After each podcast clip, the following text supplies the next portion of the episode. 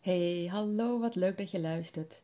Ik ben Esmeralda en in deze aflevering wil ik het met je hebben over het spotlight effect.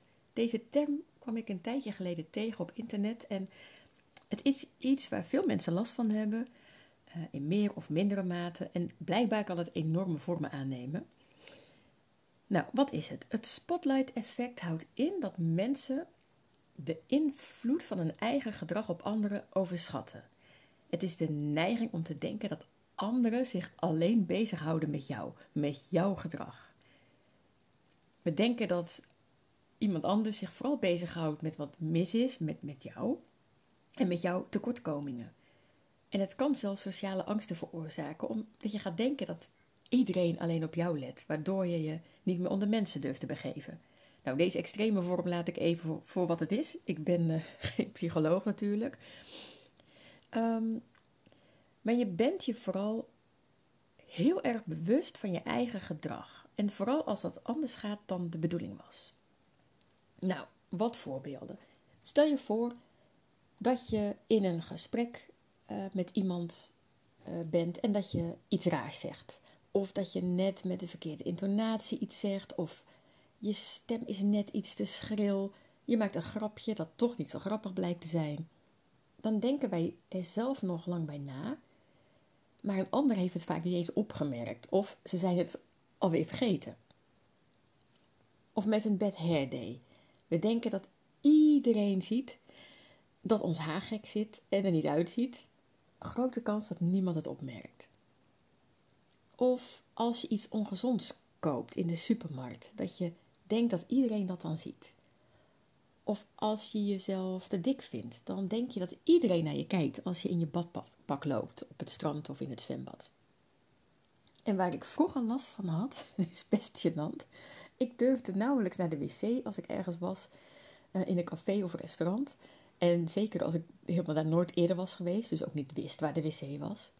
Want dan had ik het gevoel dat iedereen naar me keek en iedereen wist dat ik naar de wc ging. En nog erger was het als ik niet wist waar de wc was. Dus als ik moest gaan zoeken en dat iedereen me dan zag zoeken naar de wc. Dus ik hield het vaak op.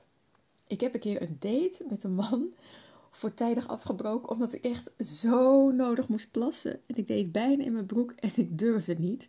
En natuurlijk durfde ik dat ook niet te zeggen, want het is echt best. Ik wist niet hoe snel ik weg moest komen. En dat had dus niks met die man te maken. Het was wel de laatste date die we hadden trouwens. Nou, gelukkig heb ik hier dus geen last meer van. En dat is wel echt een vervelend uh, ding, zeg maar. We zijn zo gewend om zelf het middelpunt te zijn van ons eigen leven. Want je ziet de wereld om je heen vanuit jezelf. Dus het lijkt alsof alles om jou draait. Dat iedereen alles van jou ziet en op je let en daar iets van vindt. Nou, als jij hier last van hebt, ehm, in meer of mindere mate, dan is dit de oplossing. Besef je dat iedereen alleen maar met zichzelf bezig is. We zijn vaak alleen bezig met het bedenken wat anderen van ons vinden, of we niet te gek doen, of we wel aardig genoeg zijn. Dus zolang iedereen dat doet, letten we totaal niet op de ander. Of het is zeker niet belangrijk genoeg om te onthouden, want lig jij wel eens wakker van een bad hair van iemand anders? Of dat iemand een bijzondere combinatie van kleren aan heeft. Of dat iemand iets geks zei tijdens een gesprek. Misschien merk je sommige dingen wel op. Maar belangrijk is het dan niet. Waarschijnlijk onthoud je juist alleen de dingen waar jij zelf last van had. De dingen die iemand zei, die jou raakten, die iets bij jou triggerden. Dus andere mensen houden zich niet zo met jou bezig zoals jij denkt dat ze doen. Dus dat is misschien wel een opluchting. Iedereen is gewoon bezig met zichzelf. En ik las ook nog ergens over een experiment om te doen.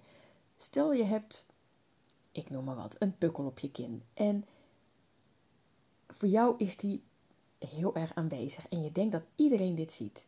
Nou, het experiment is dan, je loopt op straat en dan ga je andere mensen observeren. Dus je gaat kijken hoeveel mensen er daadwerkelijk naar jou keken. Dus de mensen die langs jou lopen of fietsen, hoeveel keken naar jou? Keken echt naar jou. En hoeveel mensen daarvan zagen die pukkel, denk je? Nou, dat is maar een heel klein percentage. En hoeveel mensen vinden daar wat van en vinden dat de moeite waard om dat te onthouden? Want weet je, wat ook best interessant is, als je haar niet zit of je hebt een pukkel, dan zegt dat niks over hoe jij bent als mens. Wij zelf denken dat mensen daar iets van vinden, dat je opeens nou ja, minder waard wordt als mens, bij wijze van spreken, maar dat slaat natuurlijk nergens op. Maar ook als jij een blunder maakt of per ongeluk iets geks doet of zegt, dan verandert dat niks aan hoe jij bent en wie jij bent. Jij bent nog steeds je eigen mooie, prachtige zelf. En hoe meer zelfvertrouwen je hebt, hoe krachtiger je jezelf voelt, hoe minder last je hier van dit spotlight-effect zal hebben. Als je heel onzeker bent, dan ben je vooral bezig met wat anderen van jou denken en vinden. En ik hoor van veel van mijn cursisten terug dat ze zich nu veel minder bezighouden met wat anderen van ze vinden. Dat het niet meer uitmaakt en dat geeft een hele hoop rust. Dus ben je ook toe aan meer zelfvertrouwen? Dan ben je van harte welkom om mee te doen met een cursus, in te stappen in een één op één traject of begin eens met het downloaden van mijn wandelmeditatie Meer Zelfvertrouwen. Helemaal gratis. Ik zet de link in de beschrijving. Dit was een korte aflevering. Ik vond het wel een interessant fenomeen dit. Ik hoop dat je er iets aan hebt gehad. En uh, ik wens jou nog een hele fijne dag toe. Doei!